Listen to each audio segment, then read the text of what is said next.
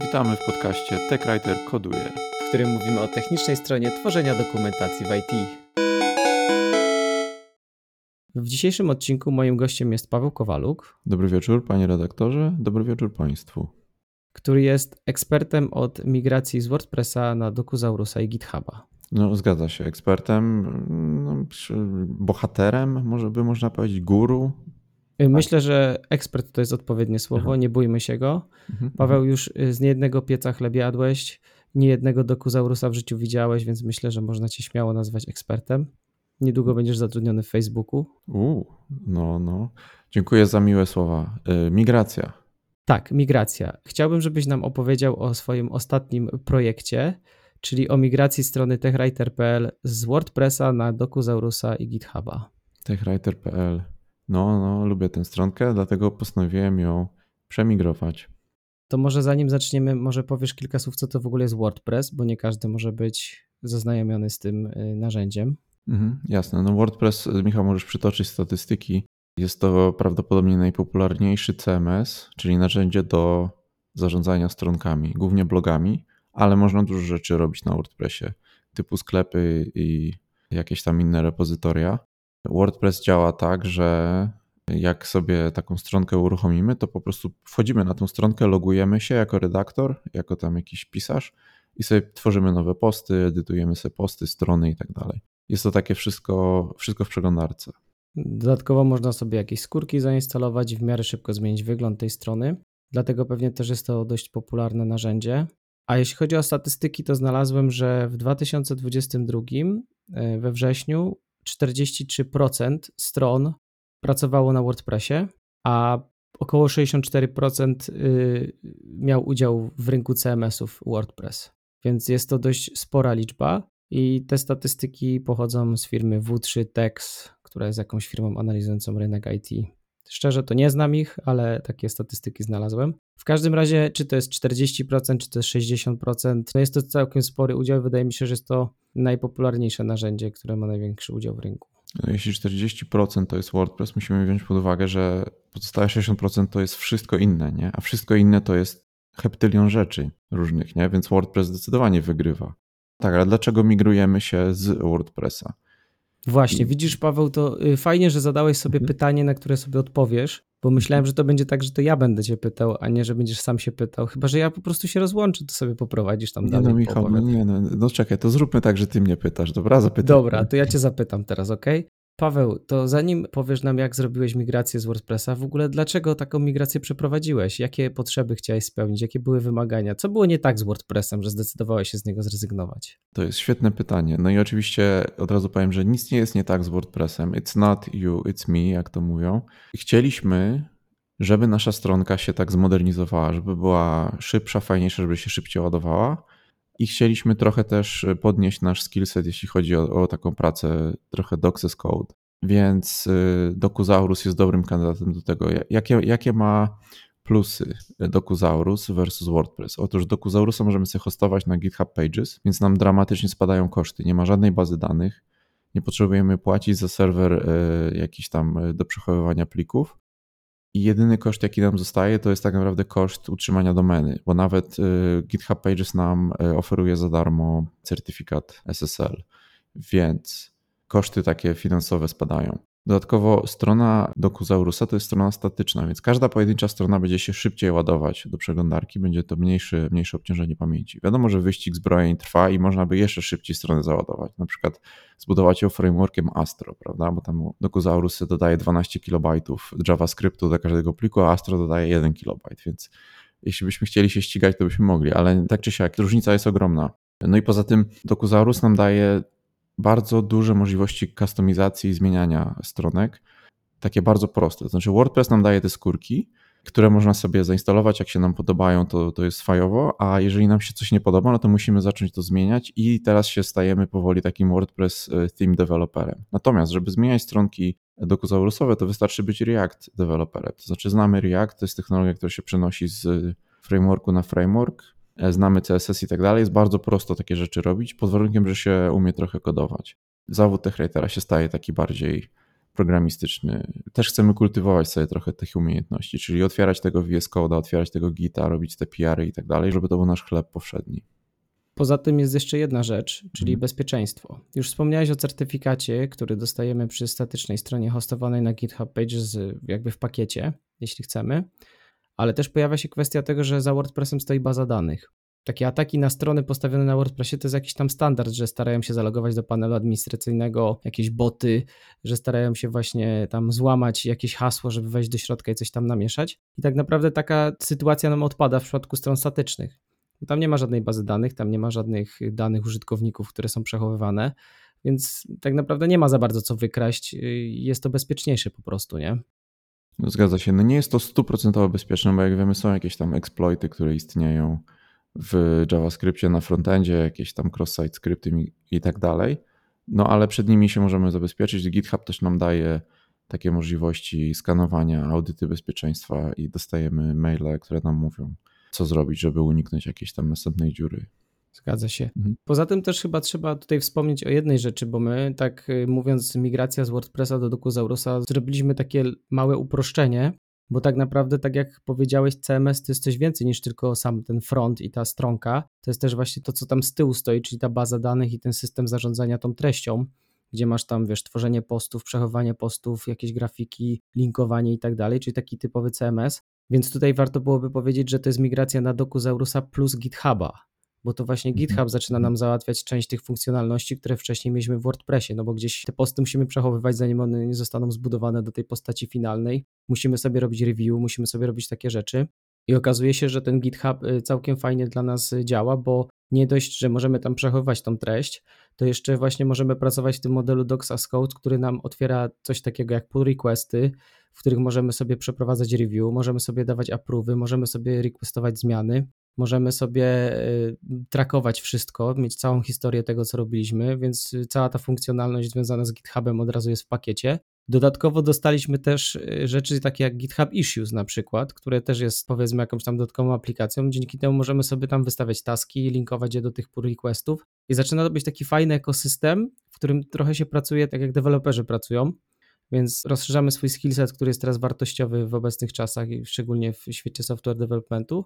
No a po drugie mamy taki fajny ekosystem, który jest nowoczesny i daje nam, wydaje mi się, więcej możliwości niż WordPress, chociaż tutaj nie dam sobie głowy uciąć, bo nie znam wszystkich wtyczek do WordPressa, może tam takie rzeczy są ogarnięte. Więc według mnie to też jest duży benefit właśnie migracji z WordPressa na ten zestaw GitHub plus Docusaurus. No zgadza się, możliwości się naprawdę otwierają, tylko że jeden jakby taki powiedzmy punkt, który należy cały czas pamiętać, to jest to, że Dokusaurus wymaga trochę więcej umiejętności technicznych niż WordPress. Dla mnie to jest takie trochę porównanie, jak kupujesz Windowsa, odpalasz i on sobie właściwie działa, a kupujesz sobie Linuxa, czy tam nie kupujesz, tylko bierzesz sobie Linuxa i on też będzie działał, ale będziesz musiał jeszcze 50 rzeczy sobie tam dokonfigurować, bo będzie brakowało czegoś, nie? No ciekawe porównanie, bo, no bo Linux nie kupujesz, tylko bierzesz, prawda? Jest za darmo dostępny, no ale właśnie wymaga tych umiejętności. Ale Windowsa też bierzesz. Ja nie wiem, czy ja kiedyś kupiłem. No, żartuję. Wiesz, dawniej to w Polsce ze świeczką było szukać kogoś, kto rzeczywiście kupił Windowsa, nie? Wiesz, wszyscy używali, ale kto miał prawdziwy klucz? To, ale dobra, już self-incrimination już może odpuśćmy sobie. Dobra, wracając do WordPressa. Powiedziałeś, dlaczego przemigrowaliśmy, Mhm. ale druga rzecz jest taka, jak to zrobiliśmy? W sensie, jak ty to zrobiłeś, bo to głównie ty to robiłeś. Więc jakie tutaj elementy były do przemigrowania? Oczywistą oczywistością jest to, że trzeba było wszystkie posty przemigrować, Mhm, mhm. czyli ta treść musiała trafić do nowego źródła, do nowej formy. No ale też jeszcze wiele innych elementów było po drodze, czyli tak jak na przykład zachowanie linków starych po to, żeby y, dalej na przykład w wyszukiwarce Google wyniki, które się pokazują, żeby dalej te wyniki działały. Mhm. Kolejną rzeczą jest na przykład wyszukiwarka i tak dalej, i tak dalej. To może po kolei, dobra? Dobra, jasne. Dobrze, że mówisz o tych linkach. Wszystkie linki muszą się zgadzać. To są dwie rzeczy, to są posty i to są strony, no bo w WordPressie też są strony. To jest jakby taki detal, prawda? No ale to istnieje. Znalazłem sobie biblioteczkę w NPM-ie, która eksportuje WordPressowe blogi do Markdowna. I to było po prostu odpalenie jednego skryptu. Dzięki temu dostałem strukturę folderów, w których był plik index.mdx, który jakby zawierał treść tego posta e, WordPressowego, no i były jakieś tam y, jak jakieś folderki na obrazki czy inne zasoby, które tam występowały w tym poście. A to było MDX czy MD? MD. MD, okej. Okay. okay, Bo tak, powiedziałeś tak. MDX, więc się mhm. zacząłem zastanawiać, czy tam jakiś e, był interaktywny content w nich, czy nie. Nie było, masz rację, to był MD. E, to jest taki MD z takim YAMLowym prologiem, który zawiera metadane, czyli tam jest tytuł, informacja o autorach i tak dalej. E, no i to był jakby taki pierwszy krok, to było bardzo dużo pracy, bo gdybym to miał robić ręcznie, no to bym e, strasznie dużo czasu na tym spędził. Potem strony, przemigrowanie ich, na szczęście ich nie było dużo, więc po prostu stworzyłem strony, w DocuZaurusie się robi tak, że tworzy się foldery ze, z nazwą ścieżek i one się stają stronami. No i podobnie jest z blogiem. Wrzuciłem te foldery wygenerowane skryptem do folderu blog i one się już stały tymi ścieżkami. Tam musiałem trochę pohakować ten router, żeby nie dodawał słówka blog, ale żeby tam lista się wyświetlała na stronie startowej i tak dalej. To są takie szczegóły implementacyjne. Może kiedyś napiszę artykuł na techwriter.pl, żeby opisać, jakie tam e, cuda się zadziały. Ta transformacja tych postów to było z tego eksportu WordPressowego. Czyli eksportuję z WordPressa taki XML ja sobie z, z tego XML-a potem korzystałem dalej, bo na przykład y, mieliśmy sprawy autorów. Jest jakiś format y, przechowywania autorów w blogu dokuzaurusowym, który tam nie do końca się zgadzał z tym, co wyszło z WordPressa, więc sobie napisałem skrypci, który mi pozmieniał jakieś metadane w tych plikach Markdown. Potem jeszcze była kwestia cover images, żeby się pokazywały na stronie startowej. Tam trochę pohakowałem też, żeby to, żeby to zaczęło działać. No i te posty były przemigrowane i skutek był taki, że i strony i posty miały identyczne linki jak wcześniej, czyli techwriter.pl i tam slash to co było to jest nadal. I to jest jakby y, punkt A. Punkt B to są komentarze. W DocuZaurusie nie ma komentarzy, bo to jest statyczna strona, nie? więc wybrałem sobie providera komentarzy Discuss. Moim głównym kryterium było, czy można zaimportować komentarze z WordPressa. I okazuje się, że można do Discasa zaimportować, więc y, napisałem sobie komponent, który embeduje w WordPressowej stronce właśnie takiego iframe'a z Discasa i wyeksportowane z WordPressa komentarze wrzuciłem do Discasa. Więc wszystkie komentarze, które ktoś tam napisał 12 lat, nie, nie 12, 10 lat temu na techwriter.pl, to one tam teraz dalej są na tej stronie. Po prostu dzięki bazie Discasa. Na szczęście Discas jest póki co darmowy, więc to jest ten jeden element, gdzie nasza strona ma interakcję z jakąś bazą danych, z tą bazą, z tą bazą Discasa. Dzięki temu można dodawać e, reakcje na stronkach, pisać komentarze, rozmawiać sobie i tak dalej. A my się nie musimy sami martwić o to, żeby pilnować, żeby nam boty nie zaczęły postować i tak dalej, bo Discuss ma wbudowaną moderację, jakieś tam zabezpieczenia antyspamowe i tak dalej. Także Fajoza. Y, search. Y, WordPress ma dobrego searcha, ale my mamy teraz lepszego niż WordPressowy. E, Algolia. Algolia udostępnia darmowy search, ustrukturyzowany, taki bardzo fajny i komponent y, searchowy, który jest wspierany automatycznie w DocuZaurusie. Bez żadnych tam jakichś kustomizacji. Jedyne co, to musiałem sobie skonfigurować tylko crawler, ale to było wszystko opisane na stronce DocuZaurusa, jak ten crawler argoliowy skonfigurować i on sobie tam raz na tydzień łazi po naszych postach, sprawdza, czy jest wszystko aktualne. Search bardzo fajnie działa, zachęcam do sprawdzenia. No i e, ostatnie jakieś tam elementy to było e, stworzenie strony domowej, żeby wyglądała tak, jak nam się podoba. Zaczęliśmy sobie w Figmie, potem zaimplementowaliśmy jakiś, jakąś pierwszą wersję, drugą, trzecią, czwartą. Iterowaliśmy sobie na czcionkach i mamy ładną stronkę startową, moim zdaniem ładną. Piękna historia. Mhm, Z tego, mhm. co mówisz, wychodzi na to, że to jest po prostu hop i jest y, z WordPressa na DocuZaurusie i wszystko super działa. To teraz może porozmawiajmy o tej ciemnej stronie migracji. Jest wiele rzeczy, które mogły pójść nie tak. I, I, są też rzeczy związane nie tylko z technologią, ale też jakby ze szkoleniem osób, jak trzeba pracować. Więc może sobie to podzielmy na kilka takich segmentów. Więc może najpierw zacznijmy od tego, co technicznie było najtrudniej zrobić przy tej migracji, czyli właśnie przenoszenie tych postów i tam jakieś funkcjonalności. Co tutaj było najgorszą rzeczą, z którą się boksowałeś najdłużej?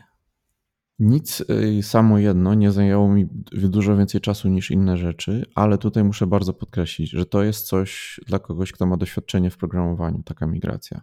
Nie ma gotowego narzędzia, wasz, wasz blog będzie trochę inny, miał, będzie miał trochę inne problemy. Ja tak powiedziałem, że format danych się nie zgadzał, więc sobie napisałem skrypt, co mi te dane tam pozmieniał. No wiecie, to, to tak się prosto mówi, jak, jak się umie programować, nie? a jak się nie umie, no to tego po prostu nigdy nie zrobisz. Albo ci to zajmie na przykład miesiące, nie? żeby dojść do tego, jak się coś takiego robi. Więc to jest taka przestroga.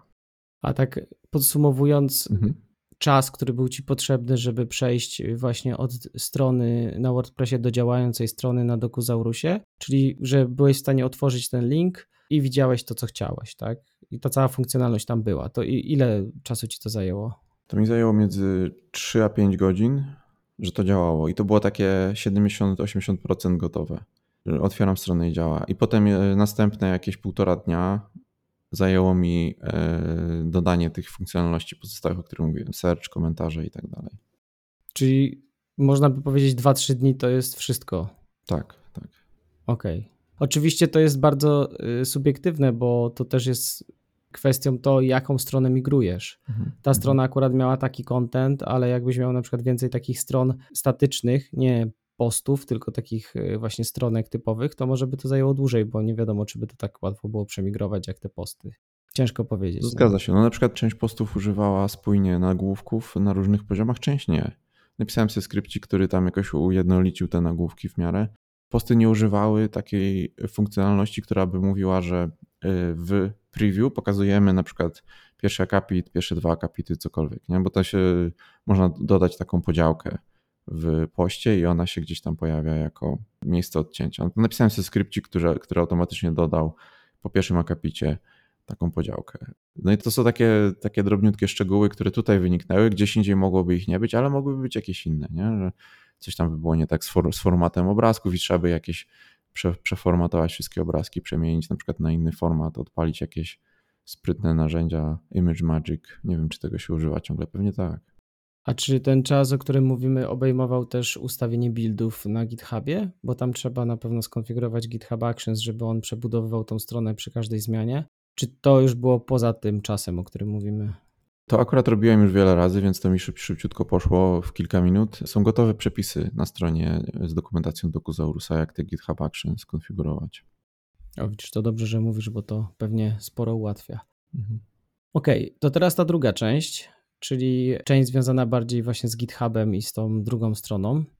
A konkretnie chodzi mi o to, żeby przestawić się na model pracy, który jest inny całkowicie od tego, który do tej pory był znany. I to jest chyba największa trudność w takiej migracji, bo sama techniczna migracja, tak jak mówisz, jak się znasz na kodowaniu i robiłeś to wiele razy, tak jak w Twoim przypadku na przykład masz do czynienia z dokuzaurusem na co dzień, to takie rzeczy są jakby dość proste, nie? Ale jednak przejście z modelu CMS-a na Docs Code, gdzie niektórzy ludzie używający tego nowego modelu nigdy nie mieli doświadczenia w takiej pracy, to jest największe wyzwanie. No i co z tym? Właśnie mm, dzięki temu też ja odkryłem pewne narzędzia, na przykład GitHub Code Spaces, bo się zastanawiałem, jak to, jak ten proces maksymalnie uprościć. GitHub nam dużo pomaga, e, jeśli chodzi o takie, o, o ten workflow. No ale rzeczywiście, jeżeli ktoś nie pracował, no to jest kilka rzeczy, które musi się nauczyć, musi zrozumieć. Bazowo zrozumieć, na czym polegają brancze gitowe i pull requesty. I tak jakby robienie zmian w branchu, a potem merge'owanie ich do, do przysłowiowego maina i że z tego maina będzie to publikowane. To tak naprawdę nie jest trudne, tylko to, jest, y, to nie jest coś, co każdemu będzie łatwo zrozumieć po teoretycznym wyjaśnieniu. Jakby się praktycznie się człowiek zacznie tym zajmować, no to zaczyna czuć o co chodzi. Więc to widziałem, że w naszym zespole to były e, pierwsze progi do przeskoczenia dla niektórych. E, no a same narzędzia, wspomniałem o tym GitHub Code Spaces, to ci pozwala tak naprawdę odpalić sobie środowisko w przeglądarce, odpalić sobie VS Code w przeglądarce i tam wszystko robić. E, więc napisałem instrukcję dla naszych redaktorów, która po prostu to bierze pod uwagę. Czyli napisałem konfigurację do VS Code'a, którą skomitowałem do repo. Jeżeli ktoś to repo wyciągnie sobie do CodeSpaces, zapisze sobie ten CodeSpace, bo można CodeSpace zapisać tak jakby na, na trwałe używanie. E, jeżeli ta, ta osoba zainstaluje sobie te dodatki, które tam wskazałem w instrukcji, no to ta konfiguracja, którą tam włożyłem, ona automatycznie sobie zrobi hop i będzie działać e, i będzie wszystko działać tak, jak byśmy chcieli. Czyli na przykład spell checker, formatowanie tych plików Markdown i tak dalej, i tak dalej. Z VS Code'a w CodeSpaces można sobie robić preview, można sobie patrzeć, czy to wszystko działa tak, jak powinno działać. E, więc to jest mega fajne narzędzie. Polecam każdemu, kto jeszcze nie próbował. Na dowolnym komputerze, gdzieś tam u teściowej na laptopie, na kolanach mogę sobie odpalić przeglądarkę, otworzyć VS Code'a i bez konfigurowania Gita i innych takich rzeczy mogę sobie zacząć pracę. Fajna sprawa. Jeszcze wytłumacz mi, czy CodeSpace to jest w jakiś sposób powiązany z danym branchem, czy to jest totalnie niezależne? Bo ja to rozumiem tak, że CodeSpace to jest jakby taki kontener, który sobie tworzysz, który zawiera właśnie VS Code i wszystkie inne narzędzia, które są potrzebne, żeby w tym GitHubie pracować z, z tym edytorem.